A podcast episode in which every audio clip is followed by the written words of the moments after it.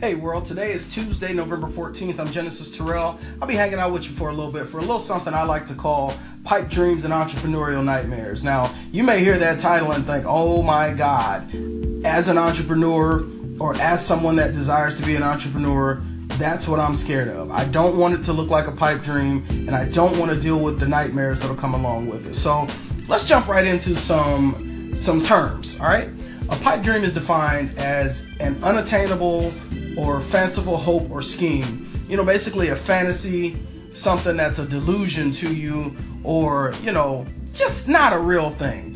Um, and as entrepreneurs, a lot of times we can take what we're passionate about, and because we fail to plan and because we're not realistic, it just becomes a pipe dream. And it is what it is. And you don't want to be that person to say, yeah, well, you know, when everybody talks about you, they say, "Oh, he's got here he comes again. He's got his thing," or well, "What's he got now?" You know, you don't want to be that guy.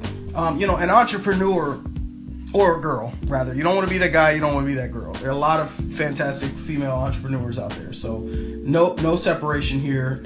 Just um, stating facts as we go. All right, now an entrepreneur is a person who organizes and operates a business or multiple businesses it can, it can be done. You know, some people say start with one thing and make it work, and you know if you succeed, great. If not, you always got you know other stuff you can get into. Well, that works for some people, and some people can do multiple things at one time. Um, but the, the, the key thing about the entrepreneur definition that I like is it says you got to be willing to take on greater than normal financial risks in order to be an entrepreneur you got to put your money where your mouth is. You gotta you gotta show up and be ready to pay out, and that's a thing that a lot of us just don't want to do. You know, we, we don't want to spend the money, and so in not wanting to spend the money and not wanting to, you know, establish your business as a registered or licensed business, whether it's home based or whether you got a, an office space or whatever the case may be, you don't want to take the steps to be a real business. And at that point, you know, it becomes a pipe dream. And people will hold you to that. You may have a lot of great ideas and you may have some really awesome things that you could put into play, but those will be overshadowed by you never following through with what you say you can do or you know, taking your lumps and keeping it pushing. You may fail at one thing and say, oh, forget this, I'm going to try something else. And people will remember that more than they remember how great of ideas you have. All right, so you say, you're saying to yourself, maybe, am I an entrepreneur? Am I cut out for it? There are some things that you have to do to first help yourself know whether you're an entrepreneur. One thing I did was I asked myself years ago, what am I passionate about? What do I like? What am I good at?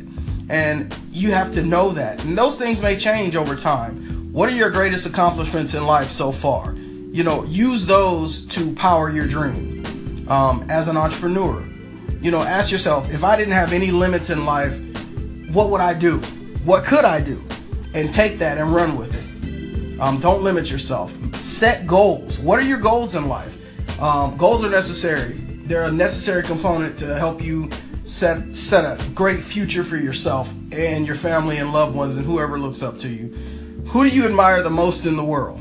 Those are things you want to consider when being an entrepreneur. And what are they doing that makes you admire them?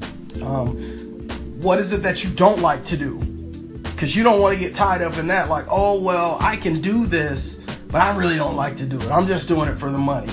Because when it comes to I'm just doing it for the money, you're going to hate yourself and you'll start to just resent being an entrepreneur altogether.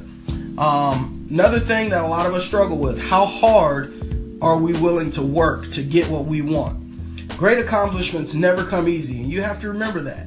So, you're gonna have entrepreneurial nightmares. Everything is gonna go wrong at some point in time, but don't allow, you know, your entrepreneurial goal or endeavor to turn into a pipe dream. So we're going to talk about a little bit of both of those as the days and weeks come. Uh, again, I'm Genesis Terrell. You've been hanging out with us for a little bit at Pipe Dreams and Entrepreneurial Nightmares, and we'll talk soon.